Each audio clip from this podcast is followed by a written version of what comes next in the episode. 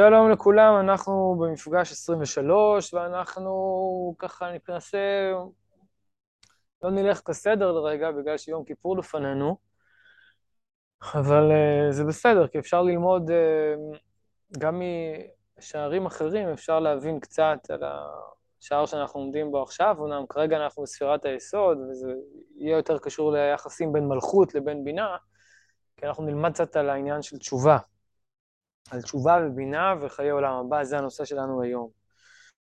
אמ, ואני קורא, למי שזה ספר, מי שלא אני אקרא לאט, בעמוד 235, במהדורה שאנחנו אה, לומדים בה, המהדורה החדשה, ואנחנו בעצם בשער ח', כלומר בשער שקשור לבינה, ושם הוא אומר, ולפי שהספירה הזאת היא עולם החיים, נקראת עולם הבא.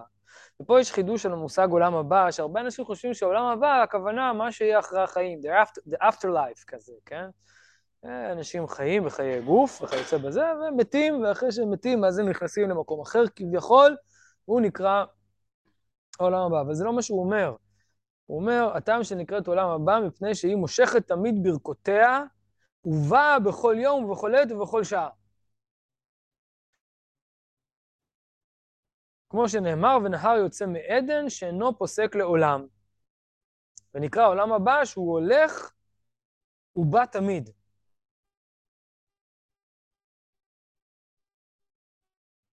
הוא היה לפני העולם הזה, והוא הולך, הוא בא תמיד. כלומר, כל התפתחות של העולם הזה מגלה את המושג עולם הבא. בסוגריים, ממש בסוגריים, מי שלומד הרב הנזיר, עולם האידיאלים בקבלה זה עולם הבא. המושג אידיאלים, גם אצל הרב קוק, הכוונה לבינה. בסדר? אז זה עולם שבא תמיד, כלומר, התגלות של עולם שבא תמיד. והעולם הזה קשור למושג החיים. זאת אומרת שכבר התחלנו לראות, ופה זה כן, כן קצת קשור לספירת היסוד, אבל חוץ מהקשר הזה, אנחנו נחזור לעיקר עיקר הנושא הוא מלכות בינה, או תשובה. אז ראינו שהחיים מופיעים ביסוד, ודיברנו על היסוד מצד פריה ורבייה, והמשכת חיים ספציפית למלכות, אבל המושג החיים, החיים השלמים, לא החיים הנמשכים, אלא חיים כשדה, כפי שתיארנו את זה, או אה, כעולם של חיים, הוא בבינה. ושם ממילא יוצא שאנחנו אומרים חיים במובן השלם שלהם, אנחנו עדיין לא נפגשנו עם מושג החיים השלם. מושג החיים השלם הוא תמיד דבר שהולך ומתגלה עוד ועוד ועוד, ולכן לחיים תמיד יש טעם של עוד.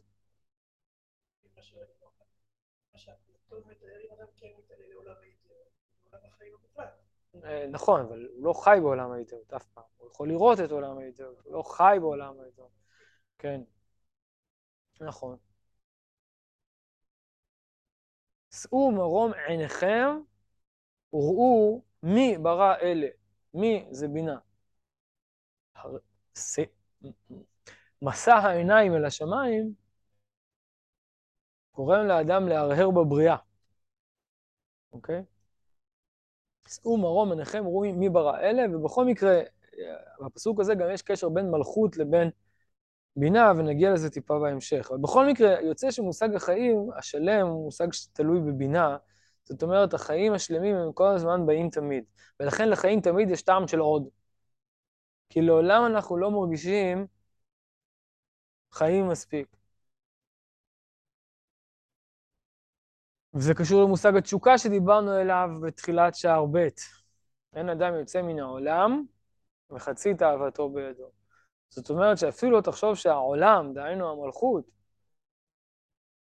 הוא חצי מהעולמות השלמים. עולם המלכות הוא ניצוץ, קטנטן. בית המקדש אמרו מן העולם ועד העולם, שלא תחשוב שיש עולם אחד, מן המלכות עד הבינה. גם הבינה נקראת עולם, רק עולם הבא. המלכות נקראת עולם הזה. אתה לעולם לא יכול לראות מה שיש אחרי, נכון? לכן הבינה כבר מתחילה להיות קשורה לעולמות השמיעה. נכון שאמרתי שהיא ראייה, אבל היא קשורה גם לעולמות השמיעה, יש בצד כזה וצד כזה. לעומת החוכמה והכתר, שהכתר הוא נשמע בלבד, שערי הוראה ושער הכתר.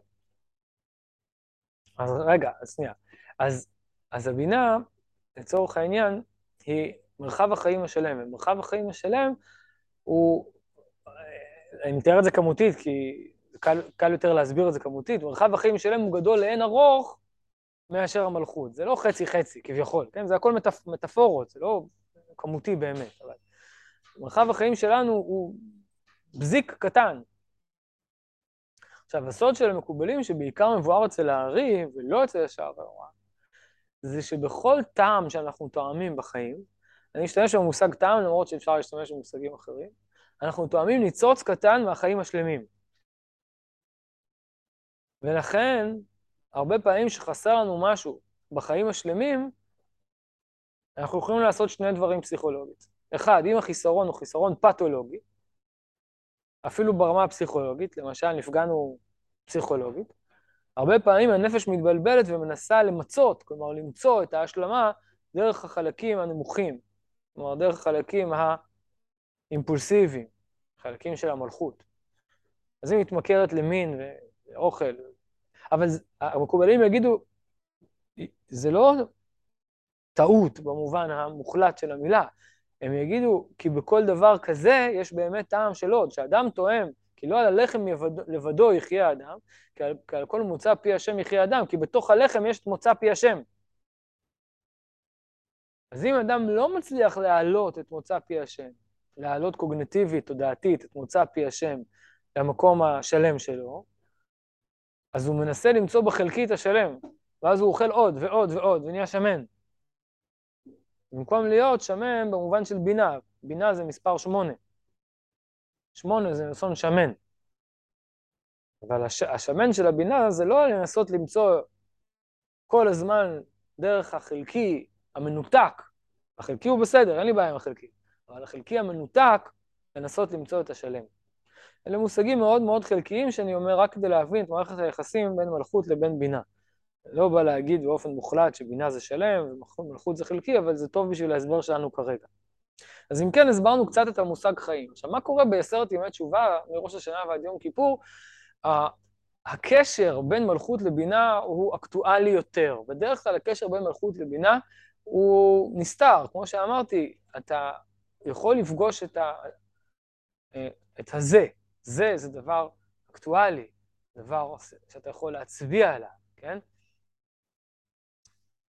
אבל מי שהבא, כן? מי שמאחורי זה, כן? אתה לא, אתה לא בהכרח רואה דרך זה את הבא. בסדר? זה דבר שהוא מורכב מאוד, מסתתר מאוד. או בשפה אחרת, אתה לא תמיד רואה דרך מי שעומד מולך את המושג הוא. אתה יכול לדבר על המושג אתה, וגם זה יחסית אתה לא מבין לגמרי, אבל בסדר, זה לנוכח. אבל להגיד הוא זה מרחב, אתם מבינים? הוא זה כל מי שהוא. בסדר? מה, מה השאלה? ברור, כי אתה זה, יש לנו את מושג ההצבעה. דיברנו על זה בשיעורים הראשונים בהקשר לפילוסופיה של הלשון, שיש מושג ההצבעה. אתה יכול להגיד אתה, או זה, אפילו עוד יותר, כן? רק שזה עניין אה, אה, פונקציונלי אה, של עצמים, ואתה זה עניין פרסונלי. יותר קל להסביר את זה על, פונק... על עצמים, על... ולא, על... ולא על פרסונליות. אז אתה אומר זה, אתה מצביע. למעשה השפה שם היא מיותרת. אתה יכול לעשות סימן עם האצבע. אתה אומר, אתה, אתה יכול להגיד הצבעה, אבל זה לא בדיוק ברור. למה? כי מי בדיוק האתה שאתה מדבר? ושימו לב, שוב השתמשתי במושג מי. ברגע שהזהות הפרסונלית החופשית יותר ויותר מופיעה בתוך האתה, אז תמיד תהיה שאלה מי מופיע, מי הוא אתה. נכון? כמשל הידוע עם הילד והאבא, זקן, וכן הלאה. ולפעמים באמת, אדם, אה, יש לו מוחין דקטנות, כמו שיש לי עכשיו. זאת אומרת, אדם, הוא רוצה רק לאכול ולשתות, רק לישון. זה דוגמאות, כן? לא חייב ללכת על אה, תאוות פיזיות, סתם נתתי את זה כדוגמה. כן? קודם נתתי את זה כסוג של חטא, עכשיו אני אומר, זה לא, לאו דווקא סוג של חטא, זה יכול להיות מצב. אדם, האני שלו, הוא האני במובן העני, בעין, כן? הוא, הוא, הוא חי רק את, ה, את המרחב הזה עכשיו, הוא נפל למוחין דקטנות. בסדר? אז או צמצום, אם תרצו, נפל למקום של הצמצום. ולפעמים יש בזה גם סודות מאוד גדולים, שאולי נספיק לגעת בהם. אז כל מה שרציתי להגיד עכשיו זה קצת את המערכת הגדולה, להראות את המערכת הגדולה, אני מסכם את הנקודה הראשונה, של מושג החיים בין הבינה לבין המלכות, שבעשרת ימי תשובה יש פה חידוש, ופה אני קצת קורא אה, בשערי צדק, זה, אין לכם את זה לפניכם, אה, זה בשערי צדק במהדורה שלי בעמוד 91, אה, 92, ו... אה, ושם הוא, הוא מסביר מה, מה הרעיון של עשרת ימי תשובה. הוא אומר, ודע כי בהיות המלכות עומדת בראש השנה לתת חשבון על כל מה שעשו ישראל, כל השנה שעברה, היא עומדת בבושה וכלימה על מעשיהם של ישראל. לפיכך מתכסת בכסה ליום חגנו, כי מי שמתעטף הוא מתבייש להביט. אז מה זה כסה? זה חוויה של בושה. חוויה של בושה נובעת מחשבון. חשבון זה מדרגה מאוד מאוד נמוכה. למשל, בחב"ד יש דרושים ארוכים שמבארים איך מדרגת הבינה היא מעל למספר. המושג אין מספר קשור לבינה. המלכות היא מושג סופר מספר. מספר יכול להיות מספר מופשט. באורות התשובה הוא מבאר את זה על חשבון עוונות. כן? אני, אם יהיה זמן, אני אקרא לכם את הפסקה מאורות התשובה. אתה יכול לעשות חשבון עוונות, כמה עוונות עשית? 32.5, כי אתה לא בטוח שזה באמת עוון, וזה, כן. ואתה, זה, זה, זה מאוד, החשבון הזה בעצמו הורג את הבן אדם, נכון? אפשר להסתכל על מספרים כמשהו כמותי, ככלי, זה הורג את הבן אדם. כידוע, I'm not a number, I'm a free man. היה סדרה כזאת שנקרא האסיר, בסדר? מספר כאשר הוא מספר כמותי במובן של העולם הזה, במובן של המלכות, הוא הורג את הבן אדם. עכשיו, יש איזה טעם ויש איזה שימוש, וזה יכול להתעלות, הכל בסדר, אבל קודם כל להבין מה זה. אז כשהמלכות עושה חשבון נפש, כי זה המדרגה שמתמודדת איתה מתוכה, חשבון עוונות, אז זה מחייב להביא בושה. למשל, אני אתן לכם עוד משל לזה ברמה הפסיכולוגית. אף פעם אל תבואו לילד שלכם ותכריחו אותו לפרט באופן אה, באופן, נקרא לזה, חשוף וגלוי את כל הדברים הלא טובים שהוא עשה. כי זה, יכול להיות שהוא יצליח לעמוד בזה מתוכו, ואז באמת כבר הוא מתחיל להתעלות. כלומר, מי שיכול באמת לפרט את זה, זה רק כשהוא רואה את השלם שלו. כלומר, מי שרואה את המושג של מכלול האישיות השלם שלו, יכול להתעסק עם פרטי עוונות. מי שלא רואה את מושג האישיות השלם שלו, לא נפגש איתו, לא חווה אותו, איך שתרצו לקרוא לזה, אז הת, התעסקות עם פרטי עוונות, זה מרסק אותו. אי אפשר לצאת מזה. זה, זה, זה רדוקציה אינסופית.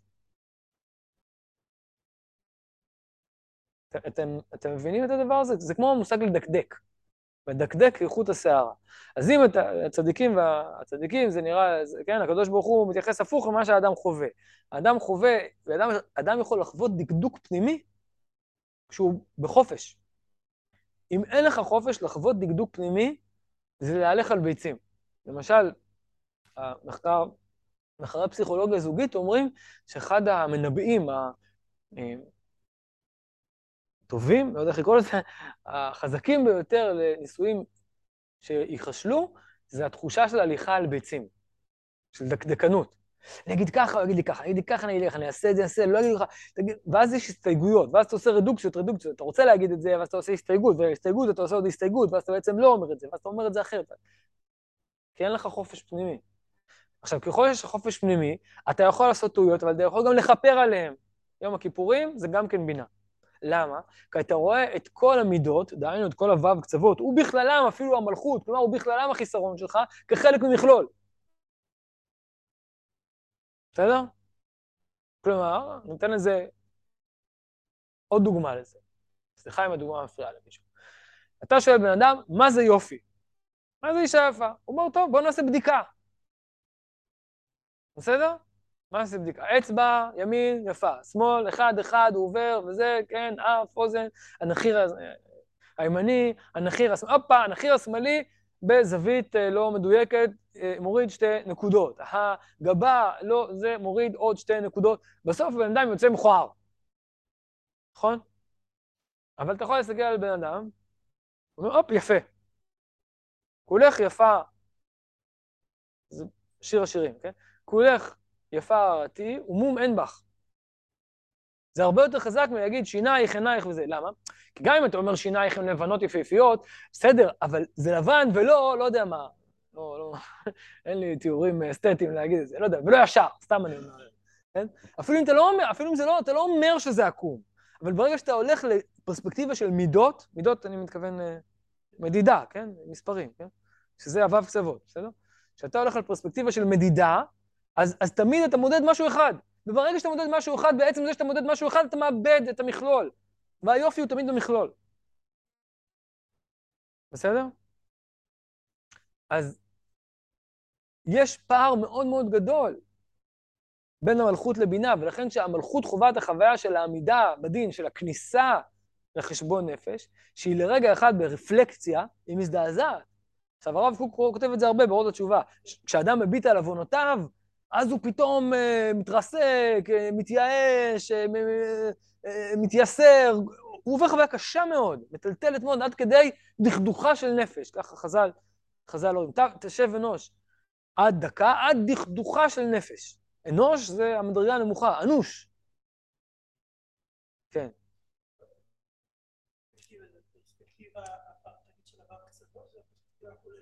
המלכות, מהצד התחתון שלה, כאשר עולים בסדר המעלות ממטה למעלה, המלכות היא אפילו עוד פחותה מהו"ב קצוות.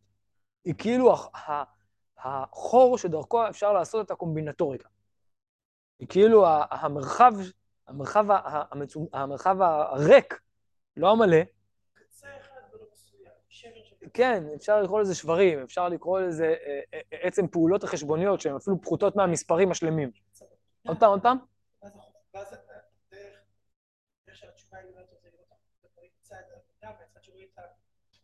כן, אז נדבר על זה עוד רגע, על התשובה. עוד רגע נדבר על התשובה. התשובה היא ייחוד מלכות בינה, אבל זה נקרא תשובה עילה. יש עוד תשובות באמצע. זו תשובה עליונה, תשובה שבה מתהפכים זדונות לזכויות. יש תשובות באמצע. יש הרבה מדרגות של תשובה. בסדר בינתיים? כן, לא, אבל רק להבין את היחסי מלכות בינה, אז רק, רק הסברתי מה שכתוב פה, שהמלכות בחוויה שלה בתחילת עשרת ימי תשובה, היא מפורקת. היא לא יכולה, לכן היא מתכסה, היא לא יכולה להביט בעצמה. לא נכון, נכון, נכון. כי זה הרגע של ההתוודעות, זה הרגע של העמידה בדין, העמידה מול האמת כביכול. כן? השם אלוקים אמת בראש השנה, כי זה הברכה, כן? כי אתה אלוהים אמת, זה, כן? זה, זה טוטאלי מדי. הוא מתבייש להביט. אז המלכות לא יכולה להסתכל דרך השער, לא יכולה לפתוח את החלון, כן? זה הכל דימויים. אבל השם יתברך פותח שערי הוראה. אתה נמצא בחושך, בחדר סגור, פתאום פותחים את החלונות, מדליקים את האור. ומה רואים בחלונות? מראש השנה ועד יום כיפורים, שאלו הם שערי בינה. כשאתם שואלים מה זה שערי בינה, יש הסבר ששערי בינה הם יחסים בין, המלכ... בין הבינה לבין החוכמה, אני עכשיו לא רוצה להתייחס לזה ככה. למרות שאני אומר שההסבר הזה קיים בספר יצירה ואצל הארי, לא רוצה להתייחס לזה ככה, רוצה להתייחס להסבר שפה. בסדר? שערי בינה הם אותם שערים שמאפשרים למלכות לראות את הבינה. כלומר, לראות את המכלול השלם. לראות איך כל החלקים, כולל החלק החסר, הנפול, הלא ברור, השבור, החלקי, איך שתרצו, כן? איך גם הוא חלק ממכלול שלם. בסדר? אז איך העולם הזה הוא חלק מהעולם הבא. כל, כל הדימויים שאמרנו יכולים להציב את הכל במשוואות של הדימויים שאמרנו. בסדר? אז השם פותח שערי הוראה מראש השנה עד יום הכיפורים, שיהיו לנו שערי בינה. וכשאותם שערים נפתחים, אז כתיב, תרשו השם בהימצאו, קראו בהיותו קרוב. המבין הדרך הזה יבין סוד עשרת ימי תשובה. למה נקראים ימי תשובה? ימי תשובה ממש. לפי ששערי בינה ושערי חירות ושערי גאולה, אלה הם, ושערי כפרה, כולם הם כינויים של הבינה, פתוחים מראש השנה עד יום כיפורים. לפיכך, קראו בהיותו קרוב, שאלמלא שערי בינה פתוחים, רחוק היה הדרך מאוד. לכן הוא אומר, מרחוק השם נראה לי. כלומר, להגיד מי זה הוא, זה רחוק. אנחנו לא יכולים לעמוד מול המרחק הזה. אנחנו אפילו בדרך כלל לא מודעים אליו. אנחנו מסתכלים על ההוא דרך התא, כמו שאמרנו תמיד. ולכן רוב השנה, מערכת היחסים היא מערכת שמה שנקראת בלשון של הארי זון, בלשון שלו, יסוד מלכות. כאשר היסוד הוא כאילו תמצות, ריכוז, זעיר אנפין, הזערה, בעין, כן, זערור, הקטנה, של איזשהו מרחבים מאוד מאוד גדולים. הוא משקף את השם... כן. מחילה, שומעים אותי? היה איזושהי התנתקות. שומעים מצוין, כן, תודה. אוקיי. בכל מקרה, אז... אה, כן, אז הרחוק הופך להיות קרוב יותר. זה לא קרוב במובן הזה של קרבה גיאוגרפית, זה קרוב במובן הזה שיש פתיחת שערים. הדימוי שתמיד הבאנו לזה, זה עומד בהר הזיתים, בהר המשחה, ורואה את קודש הקודשים. השערים פתוחים. או יכול, או יש כל מיני דימויים אחרים, שהוא עומד בחוץ ומדליק בפנים בקודש הקודשים. מה זה נותן? מה זה נותן?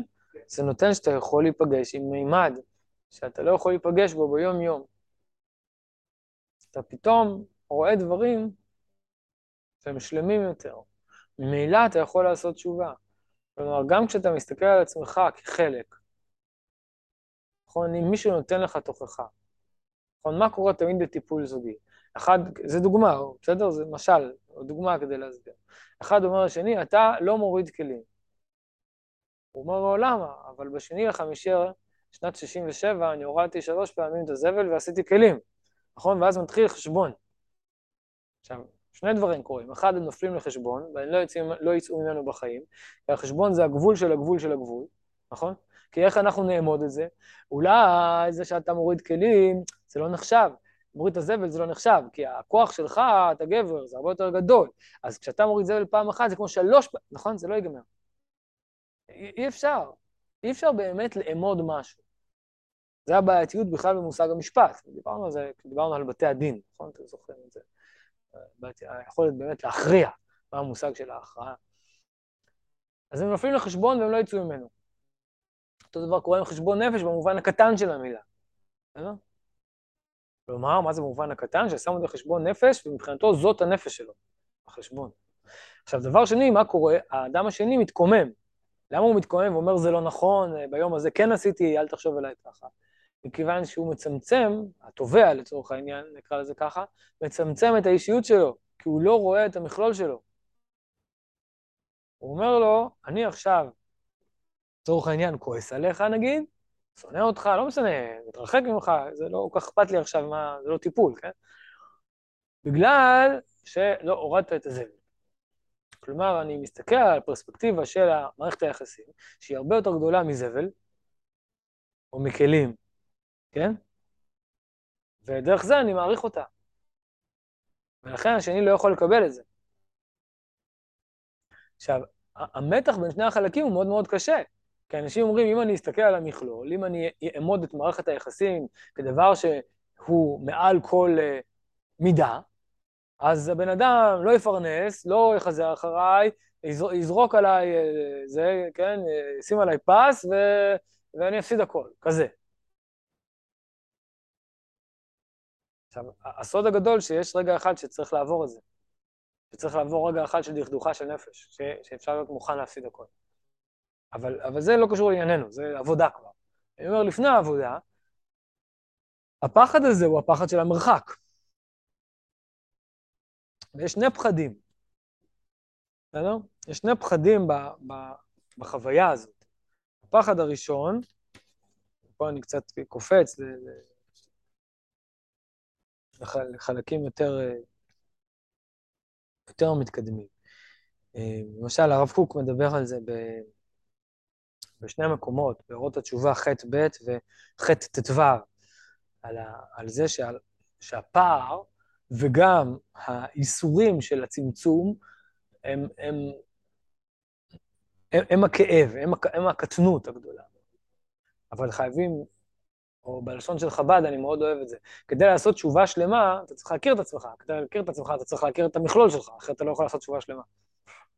ולכן אדם צריך להיות אחוז בטוב לא כליטוף, לא כמשהו סכריני כזה, אתם יודעים, איזה חמוד אתה, איזה מתוק אתה, הכל סבבה וזה, עכשיו אני רוצה להגיד לך תוכחה.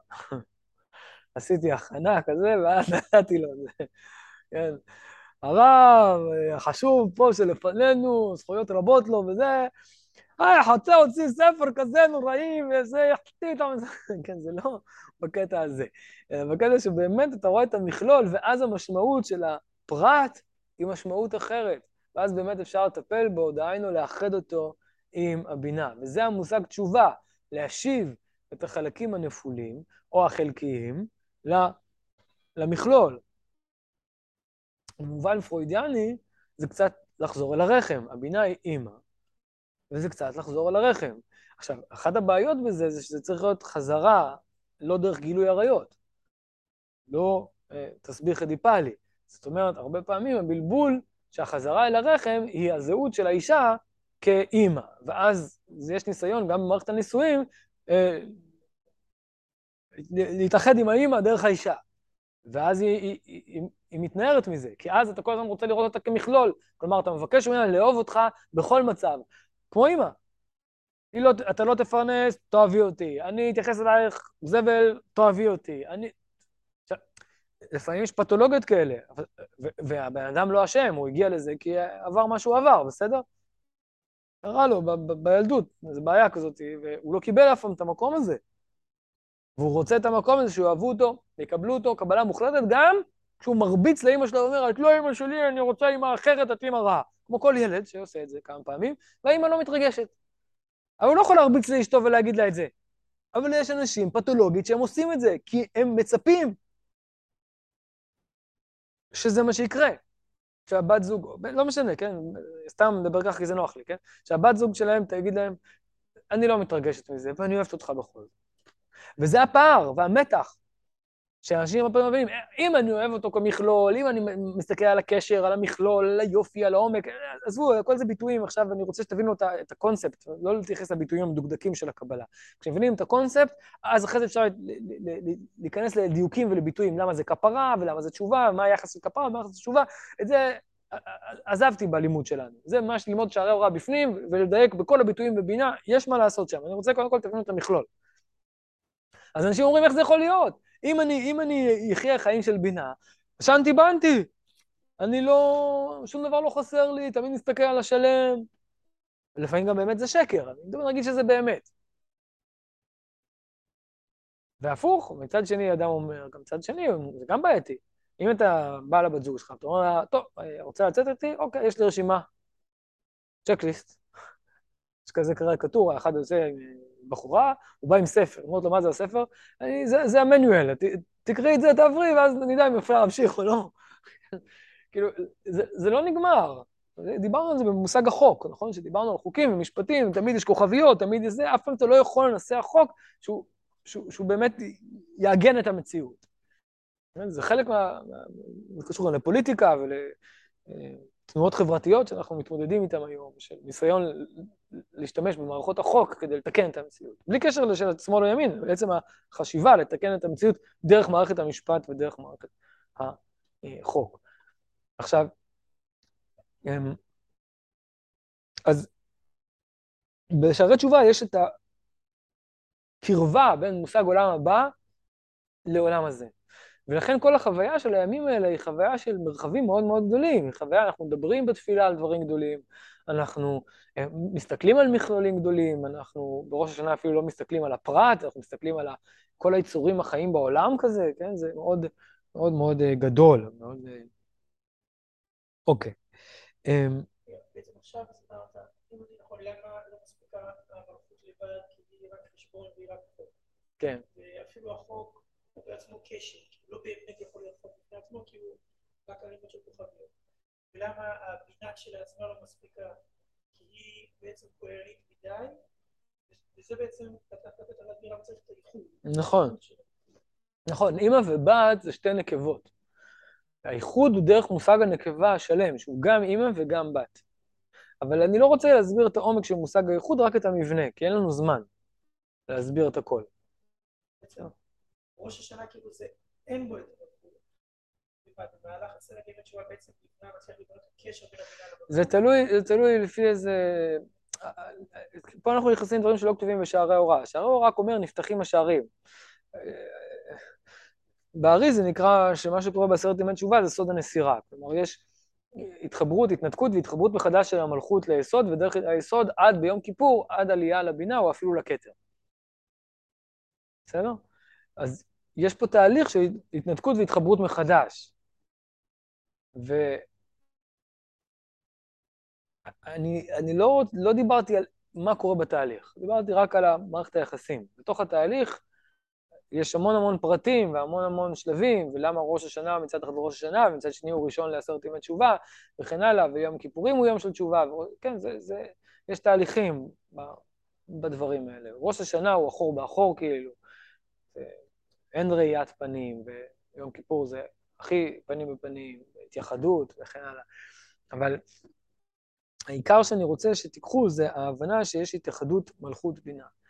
ואפילו לא דיברתי על איך בדיוק זה קורה ומה יחסי ההתייחדות. צריך ללמוד בשביל זה זוהר. זוהר אומר, אמא הוזיפה את מנוי לברטה. יש מימד אחד של התייחדות מלכות בינה, דרך שהבינה יורדת אל המלכות. מה זה יורדת? היא לא יכולה לרדת, היא עולם של מכלול. אז היא, היא נותנת את התכשיטים לבת. הבת משחקת אותה אימא. לובשת את העקבים, זה מטאפורה, כן? לובשת את העקבים, את התכשיטים, והיא קלה. או אימא, לא משנה, כן? בסדר. היא לא באמת הופכת לאימא, העולם הזה תמיד יהיה עולם הזה. הוא תמיד יהיה חסר. אבל הוא פתאום משחק, ופה המושג משחק הוא לא שלילי, כן? זה לא משחק כמו משחק אותה, כאילו, אה, עובד עליי, לא? אלא משחק במובן החיובי, הוא נכנס לתפקיד, כן? הוא קיבל את הבגדים. זה שאתה מקבל את הבגדים זה לא הופך אותך ל, ל, ל, למלך שאתה לובש את, ה, את הכתר, אבל זה, אבל זה כן, זה משמעותי. כמו המטה של אלישע, כן? כמו ה, מי שפוגם בלבוש המלך, פוגם במלך עצמו, נאמר בגמרא, כן? זה לא המלך עצמו, אבל כן, זה חלק, זה קשור למושג כבוד. בסדר? אז יש קשר כזה, ויש קשר הפוך, שהמלכות עולה לבינה. כלומר, שהמלכות עצמה הופכת להיות פתאום חלק בבינה. זה משהו יותר, יותר עמוק. אפשר להסביר את זה בקלות דרך, ה, דרך הפסקה המפורסמת של הרב קוק על התשובה, שאותה רציתי להביא, כדי להבין שיש תשובות קטנות ויש תשובות גדולות. יש תשובה הילאה ותשובה קטנה. כאשר המלכות, כאשר הבינה יורדת אל המלכות או מתקנת את המלכות, אז ראינו הענקת תכשיטים בזוהר, אבל יש עוד דימוי שזה שתבוא אם ותקנח אה, צואת בנה. זה, זה, זה הדימויים האלה נמצאים גם בשערי הוראה, אני פשוט לא, בקוצר הזמן אני לא קורא לכם את זה בפנים. זה בכינוי יום הכיפורים. שער ח', כינוי יום הכיפורים. מה שקורה ביום הכיפורים, ההתחלה של זה, זה האמא מנקה את ה... עכשיו, אמא מחליפה חיתול, אתה יכול, בן אדם אחר שמחליף חיתול, עוד פעם, כאילו זה פגישה עם החלקים הרעים של המציאות, עם הלכלוך של המציאות. אבל כשאמא מנקה את הילד שלה, זה עושה לה אורות. היא מרגישה את האימהות שלה, היא מרגישה את הנזקקות שלו, והם מתחברים דרך זה, כן? רחצתי לך, כיבסתי לך, כן? יש גם תפקידים כאלה בן זוג, נכון? שהאישה, היא עושה מלאכות כאלה של טיפול בגבר. כן? אמ, אז זה תהליך אחד, אבל זו תשובה לא הילאה. התשובה הזאת היא תשובה לא, לא עליונה, כי אין התאמה עדיין והתאחדות בין המלכות לבינה. יש את הבינה, וזה נפלא, זה אחלה, זה דבר טוב, כן? אבל זה עדיין לא שלם לגמרי, במובן הזה ש... בינה באה ורוחצת את המלכות. יש מעל לזה. יש שהמלכות מתעלה לבינה, ויש שהמלכות מתעלה דרך הבינה גם לחוכמה ולכתר. וזה הרב קוק אומר ב... ב... אה, אורות התשובה, פרק י"א, א'.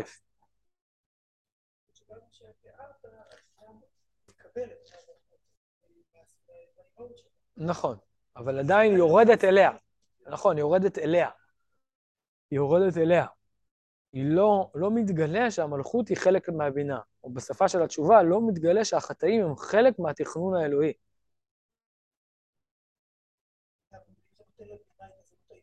נכון, אז לכן בבינה יש שני חלקים. הבינה, או מסביר שערי הוראה, היא כמו מתווך. היא עומדת בין שני הצדדים. מצד אחד היא האימא של הבת, מצד שני היא הבת זוג של האבא.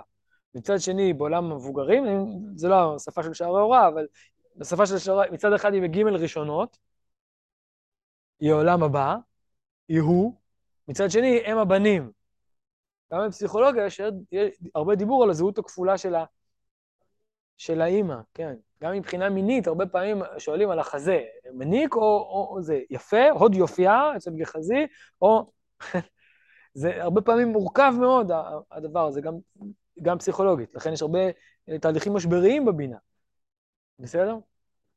אבל המשברים הם לא בבינה עצמה, הם במופעים שלה על הילדים, במופעים שלה על המידות. היא כשלעצמה היא שלמה. לפעמים אבל היא יורדת, וכשהיא יורדת היא יכולה גם להתערבב עם, ה... עם הילדים. עכשיו, אז הרב הוא כותב ככה, מצד הבינה התשובה באה, וברור מעלתה הזדונות טובים לזכויות. כלומר, כשהמלכות מתעלה לשיא הבינה, אז הזדונות מתהפכים לזכויות, ועליהם חיו יחיה. כלומר, זה קשור למושג החיים, כפי שאתם רואים. מה זה עליהם? חלק מהדלק של החיים שם זה, זה הזדונות. עליהם, על ההתהפכות הזאת, האדם חי. אמנם תשובה בכל אופן בצורה שהיא סובלת בתחילתך, בתחילתה מחלישות הרצון של החרטה הקודמת. זה תשובה תתאה. ההתחלה, המלכות שמתביישת, שראינו בראש השנה, נכון? אלא שאחר כך, כלומר, בהתעלות של המלכות אל הבינה, מתהפכת לשמחה ורוחב דעת של ההכרה העליונה, הכרה אצל הרב קוק זה בינה, ההכרה העליונה, סליחה, זה בינה, וגם רוחב. המלכות נקראת, הבינה נקראת רחובות הנהר. זה מרחב, אמרתי, זה שדה, שדה במובן כמו שדה אנרג, אנרגטי, כן? אז היא מתהפכת בשמחה ורוחב דעת של ההכרה העליונה, של היפוך הזדונות לזכויות. אז עד כאן זה תשובה הילה. עכשיו, בתוך הבינה גם מתרחש עוד תהליך. יותר מזה בא האור של החוכמה שמעולם לא הוצרך להיחלש על ידי מחוב החרטה. אז פה אתם רואים שהבינה, יש לה חולשה מה? מצד שהיא קשורה למחוב החרטה של המלכות. מחוב החרטה הוא לא בבינה עצמה, אבל היא קשורה אליו. אבל בתוך החוכמה אין אפילו מחוב חרטה. הוא מוצא כבר את הזכויות מהירות כנכון היום. הוא רואה רק טוב, כמו הסיפור על החסידות של רב זושה, שואלים אותו איך אתה מברך על הרע כשם שברכת על הטובה, הוא אומר, לא היה לי רע, אני לא יודע מה אתם רוצים. אין תנועה של התהפכות. בסדר? אצל הבינה, תבוא אם ותכסה, בלשון כפרה, צואת בנה. דהיינו, על כל פשעים, תכסה אהבה. בסדר? ולכן הבינה משתמשת בחסד. וזה משהו שלא אמרתי, אני מקווה שזה לא מסבך. הוא אומר את זה פה. כל מה שאני אומר כתוב בספר ממש. הבינה משתמשת בחסד אברהם על מנת לכסות את הפשעים. וזה בסוד, על כל, פס... על כל פשעים תכסה אהבה. אבל חוכמה, הוא מוצא את הזכויות, כן? הוא מוצא את הזכויות מהירות כנכון היום. כלומר, אפשר לתאר את זה מטאפורית ככה, הזכויות הן כל כך גדולות, כל כך חזקות וכל כך מהירות נונסטופ, שלא נראה חטאים בכלל. הוא בכל הזמן באורות.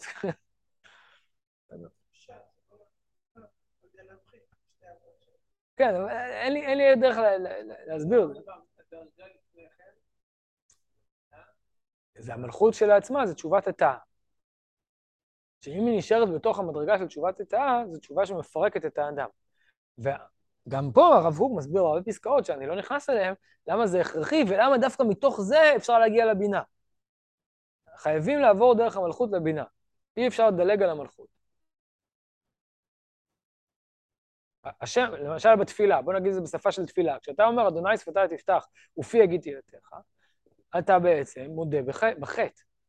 נכון? דוד המלך אמר את זה במזמור, בבוא אליו נתן הנביא, כאשר בא אל בת שבע. זה, זה התנועה. אני לא יכול לדבר. למה אתה לא יכול לדבר? כי לא נעים. כן? מה, מה, מה עשית לפני כמה דקות, כביכול? אז אתה בא לדבר לפני השם, אבל אתה שכבת עם בת שבע. אז הוא מבקש, תן לי פתחון פה. הוא מלא בושה. ולכן זה בשם א', ד', נ', י', זה בשם אדנות. בסדר? ולכן ברמת השמות, בואו אני אגיד לכם מה שאמרתי ברמת שמות, הבינה נקראת הוויה אלוהים. יש בצד של הוויה, ויש בצד של אלוהים. יש בצד שקשור למלכות, שזה האלוהים, ויש בצד שקשור ולכן היא נקראת הוויה אלוהים. אבל זה נקרא עולם מלא. עולם מלא כי הוא מכיל את שני הצדדים ביחד. אבל מעל הבינה זה כבר לא עולם בכלל. ולכן קשה להסביר מה זה מוצא את הזכויות מהירות כנכון היום. זה דבר מאוד מאוד גדול. אבל זה חייב לעבור איזה סוג של ליבון, זה חייב לעבור איזה סוג של... נכון, זה מה שאני אומר, לא צריך לעשות, אין פה תהליך של התהפכות. אין פה תהליך של התהפכות.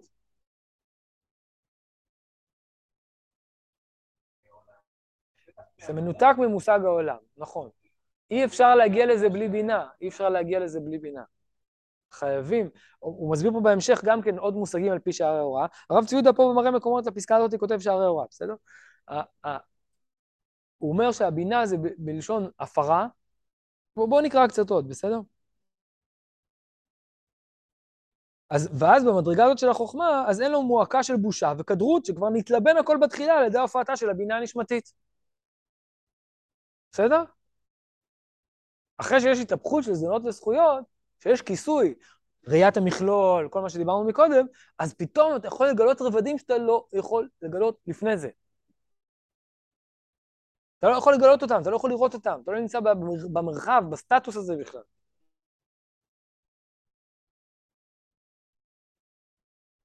למעלה מזה היא הופעת אור הכתר. אני מדלג פה על מילים. הכתר כולל הכל. שם הרע כלול במקור. בילדין יש שם רע, אבל שם זה בסדר. הוראה זו אינו משתמשת כלל בהכנת החרטה של התחלת טהרת הבינה, שזה אמרנו קשר בינה מלכות. מתגלה להוראה שאין שום גירעון וחושך כלל. אין כאן כי אם אור קדוש ותפארת עליון. למעלה מהבינה המפרה. כשאתה נודר נדר, כלומר, מסתבך באיזה עניין, נקרא לזה ככה, נקשר לאיזה משהו פרטי, נכון? עכשיו, נדר יכול להיות גם משהו פסיכולוגי, תודעתי, אוי, אני אוכל יותר מדי, אני לא אוכל יותר. אני לא מדבר הלכתית עכשיו, בסדר? הלכתית זה רק כשאתה עושה מזה עניין. אומר, אני יודע, בסדר. אבל מבחינת התנועה הנפשית זה אותו דבר, כן? אני מסובך עם איזשהו סיבוך בעולם הזה, ואתה אומר, מנסה להפעיל איזשהו כוח גדול יותר, כוח רצון, אבל זה לא הרצון של הכתר, זה רצון מצומצם, ואתה אומר, אני... אה, יש כאלה שאפילו עושים את זה בצורה שאף פעם לא מצליחה, אני אתן צדקה, קנס, כל פעם שאני אוכל יותר מדי. כן, זה חשבון אה, עם קנסות, בסדר? זה כאילו להיות רק שוטר, אפילו לא שופט. זה אפילו מתחת למדרגה של המלכות הזאת, זה הצד התחתון של המלכות. אז זה, זה, זה לא עובד, בסדר? אז הבינה היא מפרה. מה היא מפרה? כמו אדם נודר נדר, כלומר הוא מנסה לצאת מהתסבוכים שלו דרך הפעלת כוח אחד על כוח שני, ותמיד בסוף זה לא יוצא טוב. כמעט תמיד, סליחה, אני אדייק. כן? ההלכה היום אומרת, תתרחקו מנדרים. יש מקום קטן שנדרים יכולים לעזור, אבל בגדול, נדרים יסבכו אתכם. זה לא יעזור, זה יסבך. כן? אדם נתפס למשהו קטן בחיים. אני לא מדייק, אבל בינתיים זה בסדר. ואז מה עושה הבינה? היא מתירה לו את הפלונטר. היא אומרת, חבובי, אילו היית יודע... כן? שמעתי סיפור בשבת, אחד, איזה רב אחד נדר נדר, לפי כל אין שום פתח. אמר לאשתו, זה נדר, וגם אם אני אשאל עליו, אני לא רוצה להתיר אותו, נדר את הנדר. בקיצור, צמצם את עצמו לצמצום הכי מצומצם של החיים. לא משנה, זה סיפור אמיתי אבל. הוא בא לרב אברום, רב. בא לרב אברהם שפירא. אמר לו, זה, סיפר את כל הסיפור. רב אברום שמע את זה, נעמד, צערך עליו את החיים, תתבייש לך, מגיע לך גיהנום. בקיצור, איזה 20 דקות פירק לו את הצורה. קללות וזה וזה, וגידופים, שתל אותו שם וזה, ואשתך לא יודע אם היא יכולה ליהנות ממך. בקיצור, גמר אותו לגמרי, צרחות בכל הבית. אתה לא נורמלי, אסור לך להיות רב, מאיפה אתה מלמד? כאילו, גמר אותו לגמרי, אתה צריך להגיד, הקהילה שלך, את כל הדבר הזה, תתבייש לך, אתה לא למדת תעבור נדרים, איזה מין רב אתה, גמר אותו לגמרי. ההוא התפרק לחלוטין. אמר לו, תגיד, אם היית יודע שאני אצעק עליך ככה, אז היית נודר? אמר לו, לא, זה מותר לך. עכשיו, מה הרעיון בזה? אתה לא יכול אף פעם לראות את המכלול. מה זה אילו היית יודע? כשאתה בתוך הנקודה הזאת, אתה נורא סובל מזה שאתה אוכל הרבה. כדוגמה, בסדר? אתה כל כולך בזה שאכלת שתי פרוסות עוגה, ואתה נראה כמו דובי, ואתה אומר, אני מעדיף, מקצין את זה קצת, בסדר? מעדיף למות ולא לאכול עוד, נגיד, כן? אז אתה נודר. ואתה מצמצם את כוח החיים. ואז בא מישהו אומר לך, אילו, מה זה אילו? מעלה אותך למרחב אחר, שבו לא יכלת לראות את זה בכלל. בסדר? אבל האילו הזה היה קיים, רק במרחב אחר, לכן זה הבינה. לכן הבינה מטרת. מה זה מטרת? הסתבכת, נהיה כאילו איזו אנרגיה בחיים שהסתבכה, כמו בזרם מים, כשאתה תוקע משהו, פתאום משהו... אה, אה, חשוב... מה? כן, מפרה, כלומר, מפרה הכוונה, היא, היא, היא יודעת שיש פה משהו בעייתי, רק היא אומרת, יש פה נדר, נעשה פה משהו בעייתי, אבל אני מפרקת את זה דרך זה שאני שמה את זה במכלול, אני... החוכמה היא אפילו, אז, אז זה נקרא הפרה. חוכמה היא מטרת. מטרת, החכם יכול לעשות את זה ביחיד. הוא יכול להגיד, בכלל לא היה כאן נדר. כן? הבינה אומרת, זה הלכה, עכשיו אני אומר הלכה, כן? הבינה אומרת, אילו היית רואה את כל המכלול, אילו זה שאני אצעק עליך, היית נודר? לא. יש פה נדר, רק הוא נעשה בטעות. החוכמה אומרת, בכלל אין פה נדר. זה לא בכללים של נדר, זה לא היה... בק... היא מוצאת שמה שגם עשית, בכלל לא היה נדר. מרישה, לא קרה כלום. לא היה, לא, אין כלום כי לא היה כלום. לא, אני, אני אומר את זה בבדיחה, אבל אני מתכוון באמת מצד, ה, מצד החוויה, כן? לא היה כלום. בסדר? זה מובן מה אני אומר? זה, זה מובן הנקודה הזאת? אז זה חוכמה, אבל יש עוד למעלה מזה. זה מה שהוא אומר. בכתר רק כל טוב שופע באין שום מניעה. וכל רב וכיעור שלול מעיקרו מאז ומעולם, כי באמת לא היה, לא הווה ולא יהיה, כי ימור השם וטובו. למה? כי זה מדרגה של רצון. בעצם בנקודה הראשונית של הרצון, לא, זה בכלל לא נכנס לאומדן של טוב ורע. כשהשם רוצה לברוא עולם, כשאדם יש לו תנועת חיים של רצון, היא, בשפה של קבלה, היא הנקודה הראשונה של קו האמצעי. היא עדיין לא מתחלקת לצדדים, אתה לא יכול לראות את זה מימין ושמאל. תמיד עצם הדבר הוא לפני מערכות היחסים שיש לו, או ההתפשטות שלו. בבינה יש מרחב של התפשטות. בחוכמה אין מרחב של התפשטות, אבל יש נקודה. בכתר אפילו נקודה אין. זה עצם הדבר. אז עצם החפץ, עצם הרצון. בנקודה הזאת אפילו רע אין. אז זה דוגמה להתעלות ברמה אפילו יותר גבוהה. אז ראינו תשובה ברמה של המלכות לבד, עם הבעייתיות שבה. לא מספיק הרחבנו איך הבעייתיות, שהיא כשלעצמה מעלה אותנו אל הבינה, הרב קוק עושה את זה בפסקאות. מי שרוצה, אני אוכל אה, להפנות אותו לפסקאות האלה. ואז המלכות מתעלה לאט, לאט, לאט, עשרת ימי תשובה, שהרי הבינה מתעלה אל עבר הבינה, עד שהיא מזדהה איתה, עד שהיא נהיית כמו תאום, כמו אימא בת, בת אימא. בסדר? שני הצדדים האלה. פעם היה לי מקרה, אה, הגיע אליי בן אדם, מטופל, אמר, יש לי קושי עצום עם אשתי. מה הקושי העצום? הוא אומר, יש רגעים שהיא מדברת אליי כמו ילדה קטנה. ממש, בקול של ילדה קטנה. אני לא יכול להכיל את זה. לא משנה מה היה התהליך, אבל לפעמים אפילו זה קורה, ואצל פרויד גם קרה כאלה מקרים שפתאום אדם ממש כאילו פיזית, מילולית, כן, ווקאלית, הוא, הוא נכנס לאיזשהו מקום כזה שנתקע אצלו, כן? זו פיקסציה שהוא נתקע אצלה כשהוא, כשהוא היה קטן. בסדר, צריך לדעת להתמודד עם זה, אוקיי? אבל לצורך העניין, אז היכולת שהקטנות תהיה חלק מהגדלות, היכולת שהמלכות, אה, זה הכרה אחדותית, זה, זה, זה ה... ופה אני רוצה בכל זאת, ברגעים האחרונים, לקרוא את מושג התשובה, זה, זה נמצא ב, ב, בספר שלכם, בעמוד 200, בחדש, בעמוד 229, אה, כינוי תשובה בשער ח'.